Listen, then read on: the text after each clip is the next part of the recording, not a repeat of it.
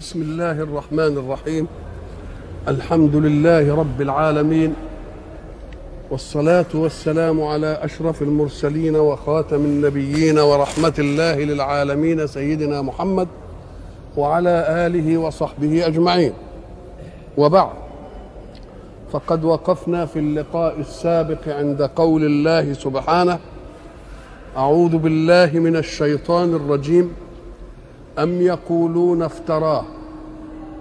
قل فأتوا بسورة مثله. وادعوا من استطعتم من دون الله إن كنتم صادقين.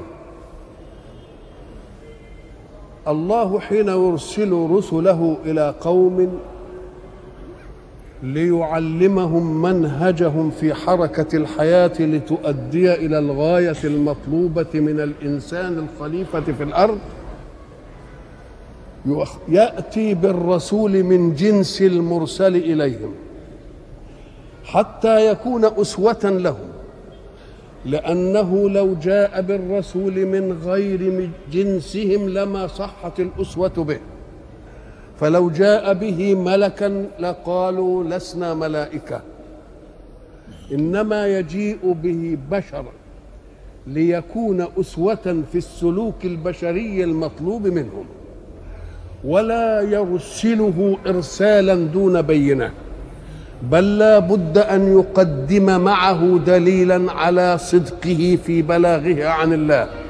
وإلا لادعى كل متفوق في حركة الحياة أنه رسول. والبينة لا بد أن تكون من جنس نبوغ القوم. فلا يأتي لقوم بمعجزة هي البينة في شيء لم يعرفوه وشيء لم يألفوه لأن الرد يكون سهلا. يقولون لو تعلمنا هذا لجئنا بمثل ما جاء. إذا فلا بد أن يجيء القرآن ليثبت عجزهم عما نبغوا فيه من صناعة الكلام شعرا ونثرا وخطابة والآيات التي يرسلها الحق سبحانه وتعالى بين يدي الخلق جميعا إما أن تكون آيات كونية ينظر الإنسان فيها ليرى أنها غير صادرة عنه ولا عن مثله ومن آياته الليل والنهار والشمس والقمر ومن آياته أنك ترى الأرض خاشعة كل ومن آياته في القرآن آيات كونية دي مقدمة للخلق جميعا. لينظروا في الآيات الكونية هذا هذه فيلتفتوا إلى أن صانعها إله فوق قدرتهم وفوق علمهم وفوق حكمتهم. ثم يأتي بعد ذلك لكل رسول إذا دي آيات عامة لكل رسول بآية. هذه الآية تناسب القوم.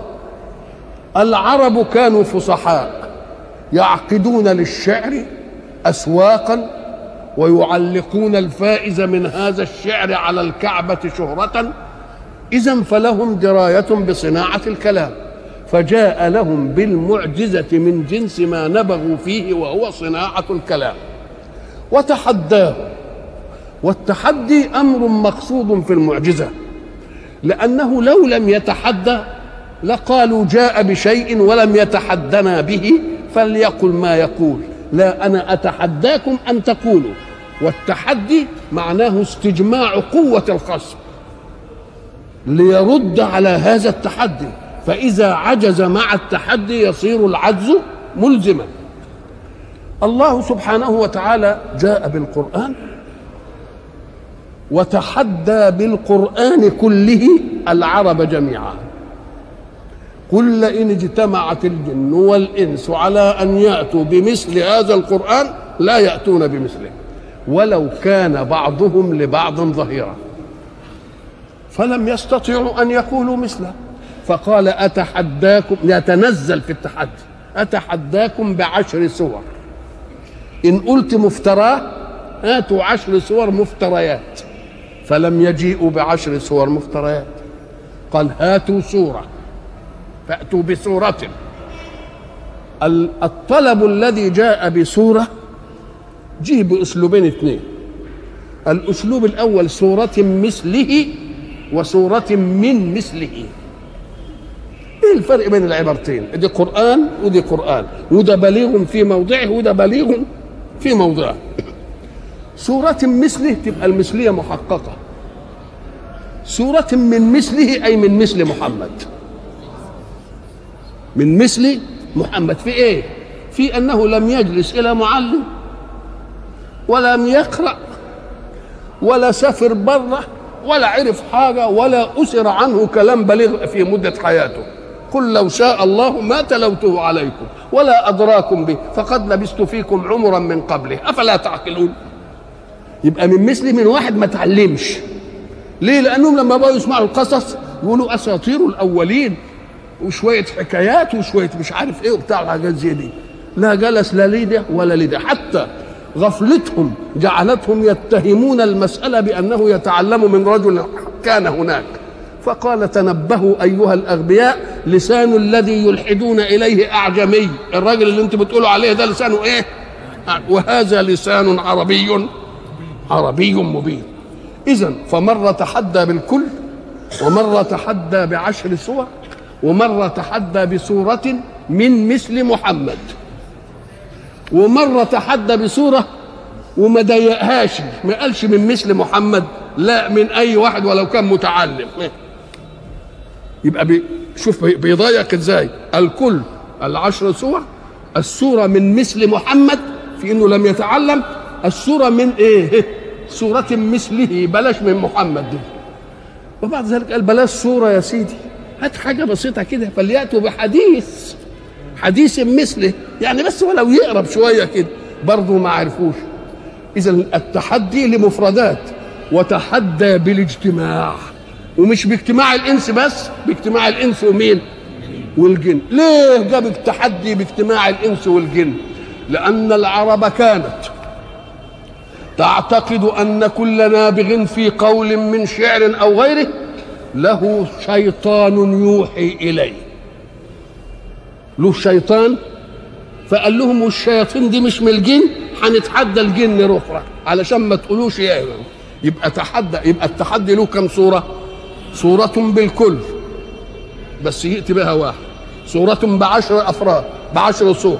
صورة بصورة من مثله. صورة مثله بلاش منه. هنتوسع في الحكاية ونقول هاتوا أي واحد ولو كان متعلم ولو كان غيره. خلاص؟ هاتوا حديث مثله. ادعوا من استطعتم من دون الله. وسعناها قوي. ويجتمعوا كده مع بعض ويقعدوا إيه؟ بس اوعوا تقولوا لا ربنا وياني يقولوا لا ربنا هو اللي قايل والتحدي من الله لكم. فلا تدخل المتحدي في منطقة الإيه؟ في منطقة التحدي. أراد الله سبحانه وتعالى أن يبين لنا علة موقفه ماذا. وقفوا هذا الموقف ليه؟ ليه؟ قال كذبوا بما لم يحيطوا بعلمه. والناس أعداء ما جهلوا. إذا علمنا الله أن لا نستقبل كل شيء بالتكذيب حتى نوجه عقولنا إلى أن نفهمه ونوجه أفهامنا إلى أنها تفحصه فحص كويس مش مجرد تكذيب هوى كده. استنى يعني. اسمع الكلام. تأمل فيه. تمعن. شوف الكلام ده يقبل ولا ما يقبلش. إنما لمجرد العداوة والجحد في قلبك ترده لا. لا تخف ما ليس لك به علم. عايز تحكم على شيء يبقى لازم يكون عندك إيه؟ علم. فإذا عز عليك شيء فاطلب من قائله تأويله قول له معنى دي إيه يا سيدي؟ ما قالوش يسألونك عن كذا ويسألونك عن كذا ويسألونك عن كذا. يبقى أنت بتكذب بشيء لم تحط به علما ولم يأتك تأويله من الذي أنزل عليه. ولو أنك فطنت إلى هذه المسألة واستقبلت القضية استقبال أي علم بعقل واع وتفهم لأمكنك أن تفهم. أما أن تطرد هذا الأمر كده بمجرد الكراهية لمن أتى بالقرآن ما هم هم قالوا إيه؟ لولا نزل هذا القرآن على رجل من القريتين عظيم إذا افصلوا من المسألة. أنت بتتكلم بقى في محمد مش في القرآن. إذا القرآن لو أنت اتجهت إليه بعقلك وفهمك تجد كلام معجب كلام معجز كلام مقنع كلام مستميت. أمال إيه اللي مخليك تعرف الموقف ده؟ إن ده جاء على إيه؟ على لسان مين؟ على لسان محمد.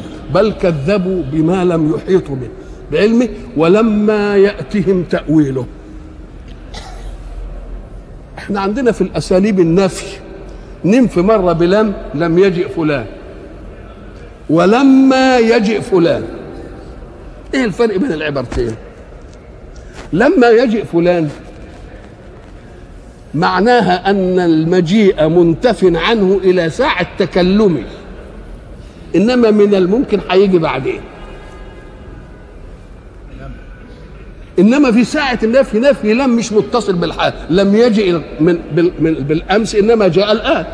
مثلا اذا لما تفيد النفي ولكنه تفيد توقع الإثبات. ولذلك إيه؟ قالت الأعراب إيه؟ آمنا.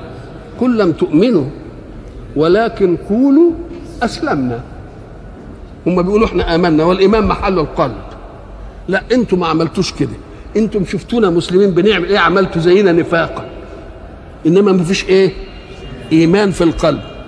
ولما يدخل الايمان فاللي سمعوها قالوا الحمد لله اللي هيبقى يدخل بعدين.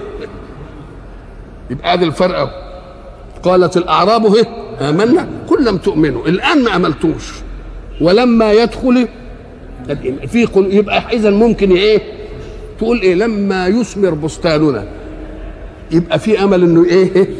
ولما يعلم الله أم حسبتم كذا ولما يعلم الله المجاهدين منكم والصابرين. قالوا اذا إحنا وثقنا أن سيأتي علم الله بنا كمجاهدين وكإيه؟ وكصابرين. اذا ساعة ما تشوف لما تعرف إن المنفي بتاعها متوقع أن إيه؟ أن يحدث. ولما يأتي تأويله اذا هيجي تأويله وتعرفوه. تأويله في إيه؟ التأويل مرجع الشيء. الشيء يؤول إلى كذا. قال لك بأن الأخبار التي ذكرها القرآن ولم يكن في وقت ذكر القرآن لها مظنه أن توجد وجدت. يبقى ما دام وجدت ولا دخل لبشر في وجودها يبقى اللي قال هذا الكلام واخده عمن يقدر على أن توجد. ضربنا المثل زمان بأن لما الروم كانت في حرب مع الفرس. وبعد ذلك انتصرت الفرس على الروم. الفرس دي أمة ملحدة. الروم أمة كتابية يعني مؤمنة برسل ومؤمنة بالله ومؤمنة بأنه يبعث رسل وهكذا. النبي صلى الله عليه وسلم وصحابته نظر إلى قمة المسألة. ما نظرش إلى شخصه كرسول طب ما هم الروم مؤمنين بكتاب إنما كافرين بيه قال لك إنما مؤمنين بإله. يبقى ما دام مؤمنين بإله يبقى عند محمد إيه؟ مقبول أحسن من اللي ما بيؤمنش بمين؟ بإله. الفرس ما بيؤمنوش بإله. خلاص كويس قوي لكن الروم بيؤمنوا بإله. طب ما هم الاثنين شركة في إنهم ما بيؤمنوش بيه. أم قال لك لكن دول مؤمنين بمين؟ بإله. يبقوا أقرب إلي ولا لا؟ يبقى عصبية محمد لربه فوق عصبيته لنفسه. العصبية لربه فوق عصبيته لمين؟ لنفسه. كويس أوي كده. وبعد ذلك حينما هزمت الفرس حزن رسول الله. هزمت الروم حزن رسول الله وحزن المؤمنون. فربنا سر عنه بقرآن متحدى بتلاوته ومعجز في نفس المعجزة. فيقول أعوذ بالله من الشيطان الرجيم بسم الله الرحمن الرحيم. إيه؟ ألف لام. ميم. غلبت الروم في أدنى الأرض. وهم من بعد غلبهم سيغلبون في بضع سنين. لله الأمر من قبل ومن بعد. بضع سنين يعني لحد تسعة. يعني من دلوقتي لحد مين؟ تسع سنين. قل لي محمد. الامي الذي لا ثقافة عنده في العالم ولا يعرف أي حاجة عن المسألة دي يستطيع أن يتحكم في نتيجة معركة بين أمتين عظيمتين كالفرس والروم ويا ريته بيتحكم فيها على إن بكرة هينتصروا. نقول ده أصله بلغوا إن في مدد جاي وهيروح ويقلب الكفة ده في تسع سنين. من يستطيع أن يتحكم في نتيجة معركة بين أمتين عظيمتين في مدة تسع سنين؟ مين اللي يقدر؟ ما يقدرش إلا مين؟ الله. وبعد ذلك يقول أفلن غلبت الروم في أدنى الأرض وهم من بعد غلبهم سيغلبون. إمتى؟ في بضع سنين بضع سنين. ولذلك سيدنا أبو بكر لما قعد يتراهن قال أنا قلت سبع سنين مد قال له ما تضيعش واسع خليها لتسعة يعني. ضحضحها شوية. ما البضع يطلق على هذا. الله اذا في وثوق. وثوق من أبي بكر فقال سبعة. النبي قال له ما تضيعش واسع. الله. كل ما يوسعه تبقى المعجزة أشد. كل ما يوسع الزمن تبقى المعجزة لأن من يستطيع أن يتحكم في هذا؟ لم يتحكم رسول الله وإنما تلقى ممن يتحكم فيها. في وقد كان الأمر ومن عجيب الأمر أن ينتصر الروم على الفرس في اليوم الذي انتصر فيه محمد على الكفار في بدر. فيقول ألف لا غلبت الروم مين؟ غلبت الروم في أدنى الأرض وهم من بعد غلبهم سيغلبون في بضع سنين. لله الأمر من قبل ومن بعد. ويومئذ يفرح المؤمنون بنصر الله. وتيجي المسألة الله. طب من الذي يتحكم في هذه المسألة؟ أدي التأويل أهو. استنوا شوفوا الأخبار اللي, اللي قالها هتيجي ولا مش هتيجي أو تأويله في الآخرة. ما يقول الأمر في التكذيب هيعرفوه قدام. القرآن بيقول إيه بقى؟ ولقد جئناكم بكتاب فصلناه على علم هدى ورحمة لإيه؟ للمؤمنين. هل ينتظرون إلا تأويله إيه اللي بينتظروه؟ بينتظروا ما يؤول إليه القرآن وما يؤولون إليه إن كان في الدنيا فنصر أهل القرآن. وإن كان في الآخرة اليوم يأتي تأويله. يقول الذين نسوه من قبل إيه؟ أي يقولوا إيه؟ قد جاءت رسل ربنا بالحق فهل لنا من شفعاء فيشفعوا لنا؟ أو نرد فنعمل غير الذي كنا نعمل؟ الله أهو ده التأويل أهو. شوفوه بقى أنتم اللي كنتوا بتكذبوه زمان إيه؟ فالتأويل إما أن يكون لمن بقي من الكفار فيرى ما أخبر به القرآن يجيء على وفق ما أخبر من نبي لا يملك أن يتحكم في مصائر الأشياء وتأتي على وفق ما قال. أكان محمد يجازف بأن يقول كلاما لا يتحقق فينصرف عنه الذين آمنوا به. يقولوا طب ما هو قاله بضع سنين وخافت عشرة ولا حصلش؟ إذا لا يقولها إلا وهو إيه؟ إلا هو واثق مطمئن. ليه؟ لأنه ما لهاش من عنده. لا فراسة ولا كمبيوتر ولا رادار ولا أي حاجة. ده مين؟ بل كذبوا بما لم يحيطوا إيه؟ بعلمه. ولما يأتهم تأويله. ولماذا نقول على هذه الجزئية معك ومع الكافرين بك؟ طب ما انظر إلى ركب الرسل. هل جاء رسول وخذله ربه على من خالفه؟ أبدا. كذلك كذلك كذب الذين من قبلهم. فانظر كيف كان عاقبة الظالمين. طب ما تشوف بلاش نستنى تأويل بقى ونستنى الحكاية ونستنى القيامة ونستنى. لا انظر للركب كله من أول مين؟ من أول ما أرسل رسول هل أرسل الله رسولا فنصر الكافرين به عليه؟ لا النهاية دائما لغلبة مين؟ كتب الله لأغلبن أنا ورسلي. شوف الحكاية والظالمين جرى لهم إيه؟ منهم من أغرقنا ومنهم من خسفنا به الأرض ومنهم من عملنا في صيحة ومنهم من زلزال الله. وقدامك المسألة. يبقى التأويل واضح في مين؟ في كل مواكب الرسل الذين إيه؟ سبقوك. فكذلك هؤلاء. وإذا كان قد نال القوم ما يناسب رسالة رسلهم فسينال القوم هنا ما يناسب عمومية رسالتك. فانظر كيف كان عاقبة الظالمين.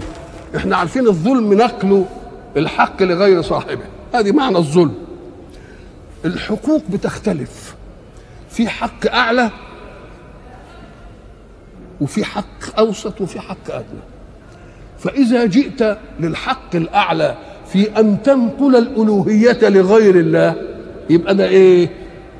ده خدمة الظلم. ولذلك يقول إن الشرك لا إيه مش ظلم ده ظلم عظيم. ظلم إيه؟ ليه؟ لأنك أنت نقلت الألوهية من الله إلى غيره. وليت غيره كان صاحب دعوة بينه وبين ربنا. ده أنت تطوعت كده من عندك. وقلت لا هو هو اللي هو اللي أنت اتخذته شريك دي. قال لك حاجة؟ رفع دعوة. تكلم في هذه المسألة. تبقى أنت تطوعت بإيه؟ تطوعت بالظلم لغير مدعي. لأن ما حدش ادعى. طب هب ان الله قال لا اله الا أنا. لا اله الا أنا. يا الكلام ده صح يا مش صح؟ فإن كان صح تبقى المسألة إيه؟ سلمت. طب وإن كان غير صح؟ الإله التاني اللي غيره دي سمع دي ولا ما سمعهاش؟ والله ما كانتش بلغته يبقى إله أصم ما عرفش حاجة نايم على ودنه. طب وبلغته؟ طب ما قالش ليه قدامه؟ لا أنا اللي اله وحجتي أقوى من حجته. لا دي حصلت ولا دي حصلت. يبقى الذي يدعي دعوة ولم يظهر لها مناقض تبقى بتاعته ولا مش بتاعته؟ إلى أن يجي واحد بقى يقول لا ده أنا الإله وحجتي كذا وكذا وكذا. ما كاش يا سيدي الإله ولا. إحنا ضربنا مثل زمان. قلنا هب أن قوما يجلسون في مكان وبعد ما انصرف القوم وجدت حافظة نقود فيها نقود. فصاحب البيت وجد الحافظ. احتفظ بقى قال ده لازم من اللي كان هنا. بعد ذلك قعد يسأل في التليفون أنت سبت حاجة؟ لا ما سبتش. أنت سبت؟ لا ما سبت وبعدين طرق الباب طارق وقال والله أنا وأنا هنا نسيت المحفظة بتاعتي. واللي كانوا موجودين ما ادعوهاش. تبقى بتاعت مين؟ تبقى بتاعت اللي ادعاها ما دام لم يكن معان. كذلك قال الله لا إله إلا أنا. أنا اللي خالق. أنا اللي رازق. أنا وقال الكلام ده كله. إما أن يكون الكلام ده صح يبقى على العين والرأس. مش صح. يبقى الإله الصح في ناحيتين يا مدريش يا دري إن مدريش يبقى ما ينفعناش. طب وندري؟ يبقى عاجز ولا قدرش يواجه يبقى برضه ما ينفعش إنه يبقى إيه؟ اذا صحت الدعوة في أنه لا إله إلا الله. وبعد ذلك الظلم بقى في الأحكام. إزاي مثلا؟ افرض إنك أنت حكمت مثلا بحل ربا مثلا. يبقى ده ظلم في كبيرة. إنما واحد عليه لواحد كذا وحكمت له كذا دي يبقى ده ظلم إيه؟ يبقى بس يبقى الظلم بياخد إيه؟ درجات. حسب إيه؟ حسب الشيء اللي وقع فيه الإيه؟ حسب الشيء اللي وقع فيه الظلم. ومنهم من يؤمن به. ومنهم من لا يؤمن به. الكلام في الذين كذبوا. وما دام كذبوا يبقى ما آمنوش. فكيف يقسم الله من لم يؤمن إلى قسمين؟ من يؤمن ومن لا ومن لا يؤمن. ومنهم أي من المكذبين؟ اللي بيقولوا افتراه وإلى اخره منهم من إيه؟ يؤمن به. ومنهم تيجي أنت تقول الله الاعتراض اهو أهو ده بقى من اللي يجب إننا نعرف تأويله. لو واحد سطحي يقول لك إيه يا أخويا القرآن ده؟ بقى من غير المؤمنين المكذبين ينقسموا إلى يؤمن ولا يؤمن؟ أهو ده اللي يبقى يقول أنت لم تحط علما بالأسلوب. منهم من يؤمن به قال لك إيه وهو يؤمن بانقرارة نفسه وفي قلبه؟ لأن ما هو الإيمان؟ الإيمان عمل حواس ولا عمل قلوب؟ عمل قلوب. القلوب إحنا ما نطلعش عليه. قلوب إحنا ما نطلعش إنما بنطلع على الإيه؟ الإسلام. بنشوفه بيعمل كذا وبيعمل كذا. ونقول ده مسلم. إنما لما هنحكم بأنه مؤمن دي مسألة بينه وبين مين؟ ولذلك قال لا ما تقولوش إننا آمنا قولوا إن إحنا إيه؟ قولوا إن إحنا أسلمنا. طيب ومنهم أي ومن الذين كذبوا وقالوا ذلك افتراء من يؤمن به إيه؟ ومنهم من لا يؤمن. يبقى الإيمان القلبي والجحد اللساني هو يؤمن بإيه؟ بقلبه ان ده رسول وصادق ويقعد بينه وبين نفسه ويلاقيه ما فيش كلام صادق. إنما العند والإيه؟ آه والحقد والمكابرة يخليه يقول لا مش مؤمن. ومنهم من لا يؤمن به يقول على طول كده. يبقى اذا المقسم هو إيه؟ المقسم مش الإيمان. الحقيقي الصادر على القلب ومعبر عنه باللسان ده إيمان القلب ولم يصل إلى مرتبة مين؟ اللسان. طب إيه اللي ما خلاش يصل إلى مرتبة اللسان؟ الحقد والحسد والكراهية لذلك الإيه؟ لذلك الرسول. وعدم القدرة في حكم النفس على منهج المطلوب. هم العرب. لما قال لهم قولوا لا إله إلا الله أضمن لكم بقى السيادة على الأرض كلها. ما رضيش يقولوها ليه؟ لأنهم مش فاهمين إنها كلمة تقال. ده فاهمين مطلوب الكلمة إيه؟ لا إله إلا الله يعني ما فيش سيطرة ولا سيادة كلنا سوا وهي دي اللي يكرهوها. يبقوا عارفين مدلول لا إله إلا الله ولا مش عارفين ده عارفينه قوي. وإلا لو ما كانوش عارفينه كانت كلمة تنقال وخلاص. وكمان يدل على أن الله اختار الأمة اللي لما تعرف حاجة ما تنافقش فيه ولذلك النفاق ما ظهرش إلا في المدينة. إنما دول على طول منسجمين مع نفسهم. ما قالوا قالوا كذا دي شجاعة إيه دي؟ شجاعة. ليه؟ لأن إحنا قلنا الكافر ملوش ملكات متوزعة. إنما المنافق له ملكات يبقى اللي ملوش ملكات متوزعة إما أن تكون على حق وهو الذي آمن وأعلن إيمانه. وما فيش ملكات موزعة. كافر وأعلن إيه؟ وأعلن كفره. إنما اللي بيلعب على الحبلين بقى ده اللي هو إيه بلسانه وبإيه؟ وبقلبه هو ده اللي متناقض مين؟ متناقض الملكات. يبقى ومنهم من يؤمن به أي بقلبه ويعتقد أنك الرسول الحق. ولذلك ربنا يعزز الرسول عليه الصلاة والسلام ويسليه. يقول له إيه؟ يقول له إياك أن تحزن من إنهم بيكذبوك. ده أنت عندهم محترم وعندهم محبوب وعندهم موقر ورأيهم فيك جميل قوي ده هم بيكذبون أنا شوف ربنا يحملها عن رسوله. قد نعلم إنه لا يحزنك الذي يقولون فإنهم لا يكذبونك. أنت أنت فوق أن تكذب ولكن الظالمين بآيات الله يجحدون. يبقى حملها عن مين؟ حملها عن رسوله قال له لا ده أنت مكانتك عنده أمين والدليل على ذلك أنك في عز اللي عنده حاجة نفيسة بيجيبها عندك. شوف شوف رفع معنوية الرسول عليه الصلاة والسلام قد نعلمه. إنه لا يحزنك الذي يقولون فإنهم لا يكذبونك ولكن الظالمين بآيات الله يجحدون. يبقى جابها فين؟ جابها عنده. هو ومنهم من يؤمن به ومنهم من لا يؤمن به. طيب أنتم المسألة دي مداريين يعني الذي الذي لم يؤمن وهو قلب لم يقل بلسانه وقلبه مؤمن. والذي قالها بلسانه قال لك الاثنين هيدخلوا عندي. لأنني أعلم بمن إيه. ذلك أفسد جحدا. وذلك أفسد إنكارا. يبقوا الاثنين عندي. وما دام أنا أعلم بالمفسدين وأنا اللي هعذب. يبقى كل واحد هياخد على قدر إيه. على قدر منزلته من الفساد. والمفسد هو الذي يأتي إلى الصالح فيصيبه بالعطب العالم مخلوق قبل تدخل الإنسان على هيئة الصلاحية.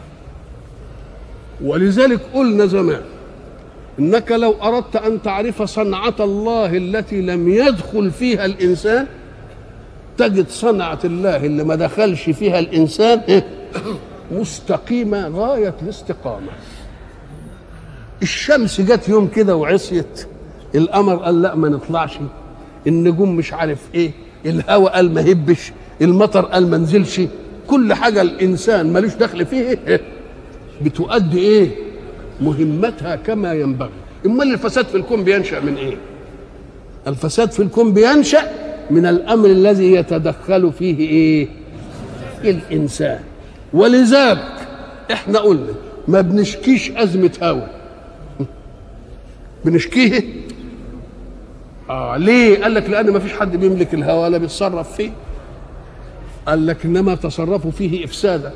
ليه؟ يعملوا بقى العدم ويفسدوا البيئة بقى ويدخلوا مش عارف إيه وبتاع. ليه؟ لأنهم بيخترعوا الأشياء ليخففون بها عن أنفسهم عبئا ظاهريا الآن. ولكنهم لا ينظرون بعلمهم إلى مدى ما تؤديه من الإيه؟ من المهالك والمعاصي صحيح اخترعوا السيارة فسهلت لنا إيه؟ حمل الأثقال وسهلت لنا السفر وسهلت لنا و... إنما لو تشوف المعاطب بتاعتها تقوم تجدها المعاطب أنت عمرك شفت زي ما قلنا جمالين اتنين قابلوا بعض وموتوا اللي هم عليه؟ اصطدموا كده جمالين ماشيين كده ومتقابلين.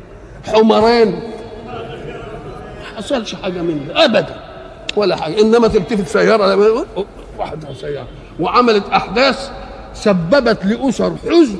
لو أنه وزع على الناس لما لغلب على راحتهم التي جاءتهم من السيارات. لو وزع الحزن ده على الناس يمكن ما في بيت إلا لما بيصاب بمسألة زي دي. الله. ليه؟ لأننا خدنا المسألة مش على إيه؟ مش على علم. ده صحيح عمل ليا مصلحة إنما لازم أشوف هيعمل لي مفسدة ولا ما يعملش مفسدة. طب دلوقتي دي إحنا بنشكو من تلوث البيئة. تلوث البيئة بإيه؟ طب ما إحنا نشوف السيارات ماشية الشكمان عمال إيه؟ عمال ينفخ المادة السامة ها؟ وعمال يعمل في الناس اللي بيعملوا ده. في ضرر ولا لا؟ الضرر ده بس ما بيظهرش إيه؟ عاجل مره واحدة. إنما بيظهر بإيه؟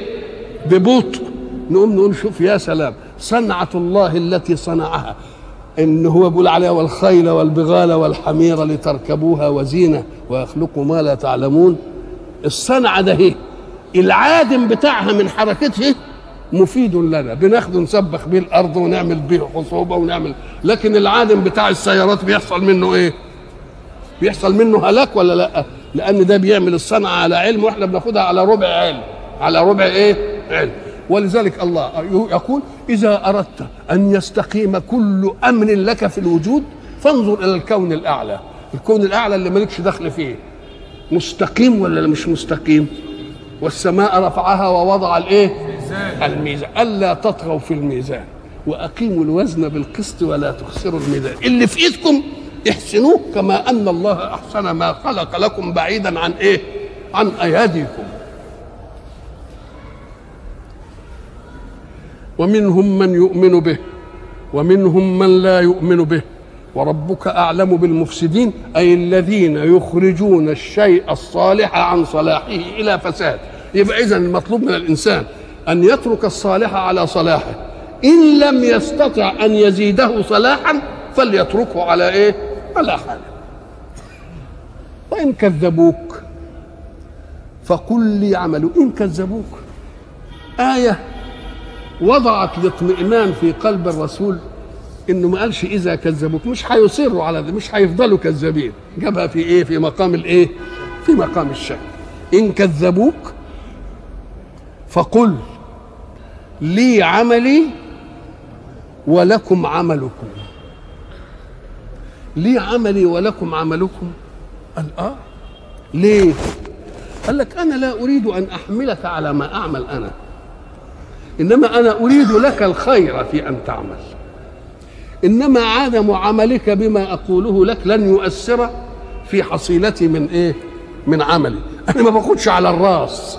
يعني الرسول ما بياخدش على الإيه؟ على الروس؟ لا ابدا. أنا بدي أنقل لكم الخير.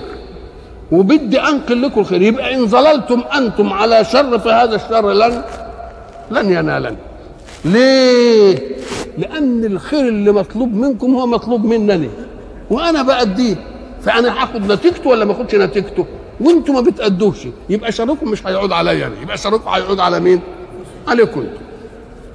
ليه؟ لأن الذين يتأبون على الاستجابة لأي داع يقول لك يا عم ده بيقول لنا كده عشان عايز يبقى عضو في مجلس الشعب. ده هيعمل لنا عايز يبقى وزير ده بيعمل لنا كده عشان يبقى كذا ده علشان نمشي نقول له لا أبدا. أنتم مش هتأثروا في إيه؟ في أجري على عملي. أنا ليا أجر.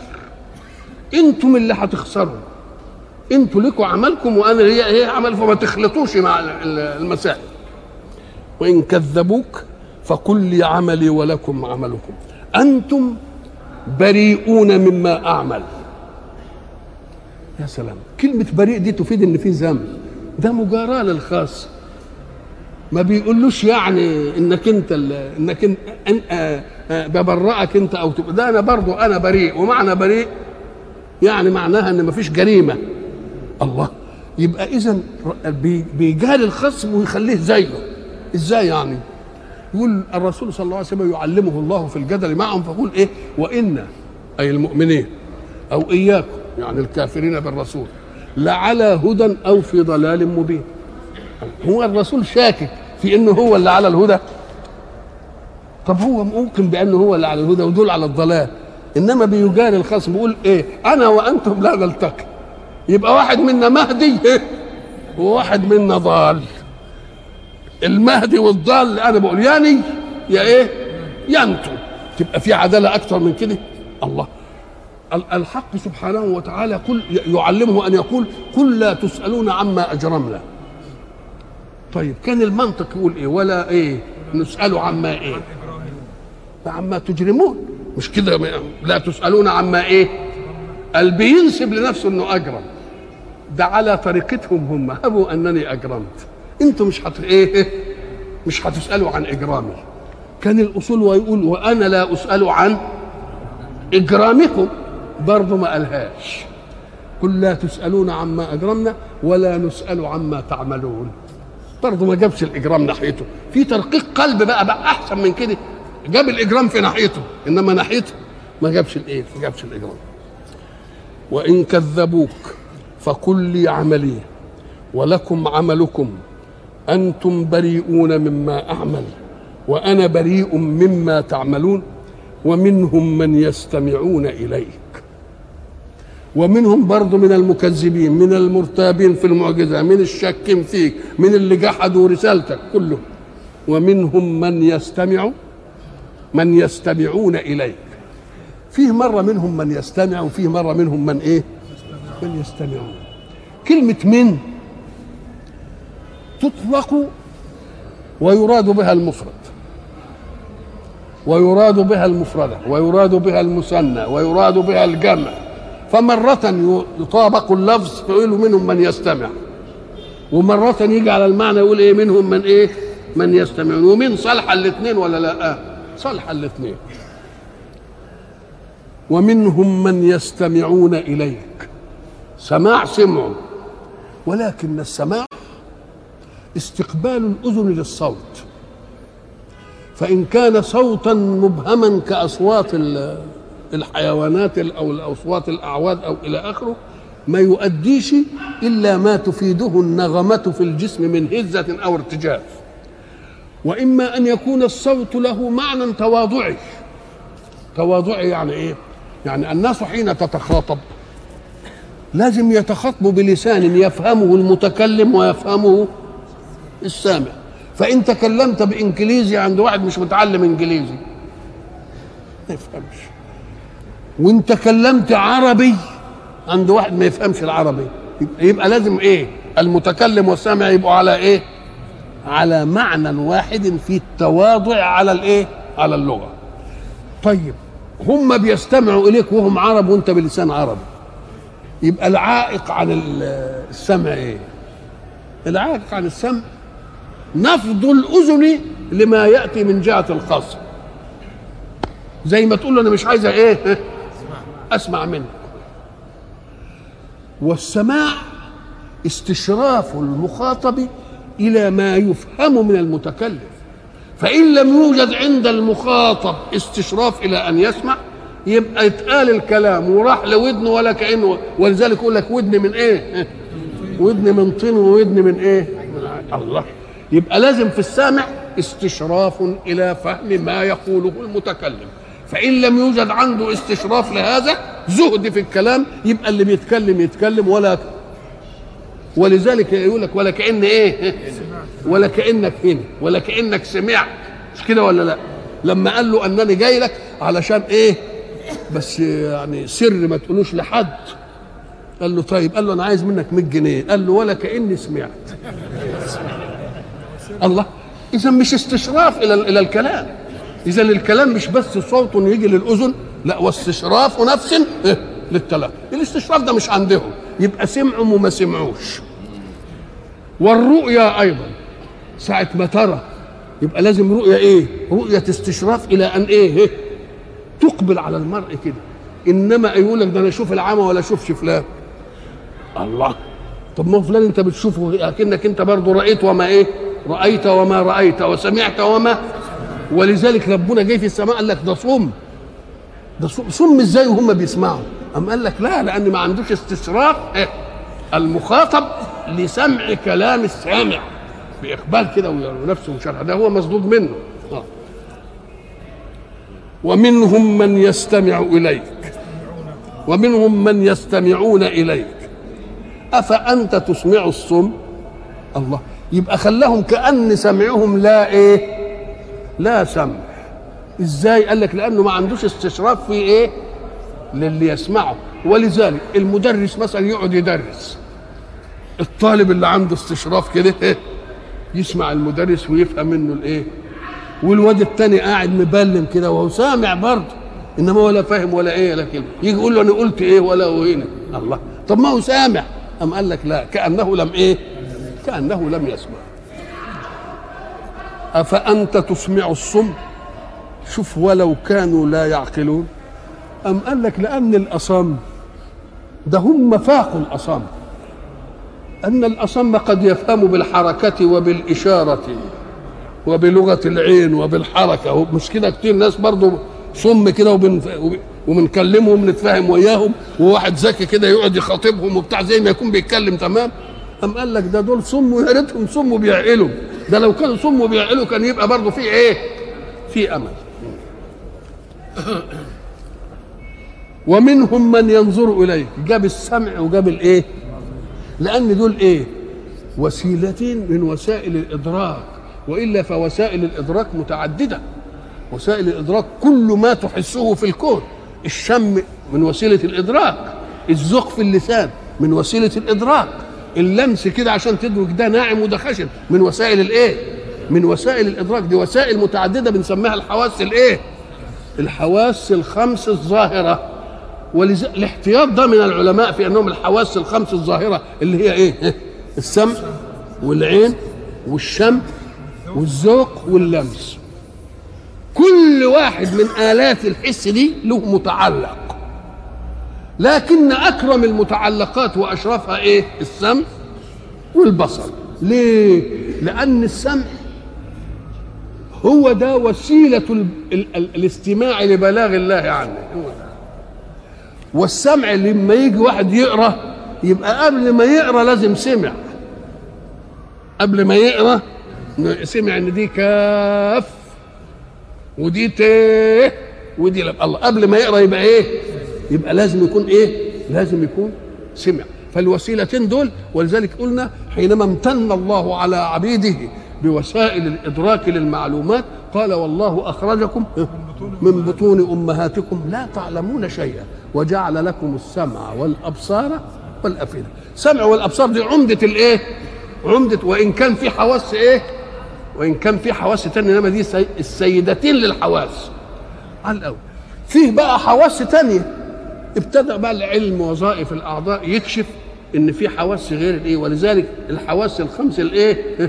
الظاهرة. يبقى اذا في حواس بس مش ظاهرة لك أنت لما تمسك توب مثلا زي ما قلنا أهو شوف تمسك توب وتحطه بين صبعينك كده وتمسك التوب الثاني تقول لا دي ارق ده سمك التوب ما يجيش واحد على ما يجيش نص ملي ولا ربع ملي إزاي ادركت ان دي ثلاث ارباع ملي وده ملي وده ارق وده بتاع؟ بأي شيء ادركت هذه؟ باللمس؟ لا مش باللمس ده بالإيه؟ بالبينية. حطيت حاجة بين بين اناملك ده قلت لا دي تقيلة. إذا أنت حسيت أن البعد بين الامولتين في هذا القماش أكثر من البعد بين الامولتين في القماش الثاني. طب إيه؟ إزاي دي تيجي؟ مهما دق. مهما دق بتدركه ولا ما بتدركش؟ بيدركه. طيب شلت حاجة كده. وقلت لا دي أتقل من دي. بأي شيء أدركت الثقل بعينك؟ لا. بودنك؟ لا. باللمس؟ لا. طب المس ده والمس ده إنما بالحمل. جيت تشيل ده وتشيل ده قمت لقيت إيه؟ قلت دي أتقل. إيه عرفت إنه أتقل إزاي؟ ما دي وسيلة إدراك الثقل إدراك الثقل وإدراك البينيات كلها بالإيه؟ قال لك آه ده لأن الثقيل أجهد عضلة يدك إجهاد أكثر من الخفيف. فالعضلة راحت مقدرة إن دي أجهدني أكثر. دي عملية إيه؟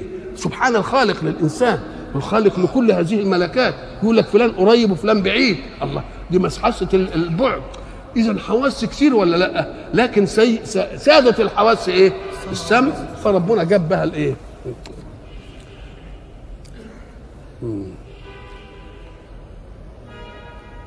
ومنهم من يستمعون إليك أفأنت تسمع الصم ولو كانوا لا يعقلون؟ ومنهم من ينظر إليك أفأنت تهدي العمي ولو كانوا لا يبصرون؟ إيه العمي ولا يبصرون؟ وده المنطق. قال لا لا يبصرون البصيرة بالبصيرة. فيه بصر وفيه إيه؟ فيه بصيرة. نعم. إن الله لا يظلم الناس شيئا ولكن الناس أنفسهم يظلمون. إن الله لا يظلم الناس شيئا أي لا يحاسبهم على عمل لم يطلبه منهم بمنهج من رسول مؤيد بالمعجزة. إذا كنا إحنا في قوانين البشر والقوانين الوضعية يقول لك أنت لا تستطيع أن تعاقب إلا بجريمة. الجريمة دي لازم لها نص. إذا لا عقوبة إلا بتجريم ولا تجريم إلا بنص. فمن فعل ذلك فقد أعذر كل مخالف لذلك وإلى لقاء آخر إن شاء الله.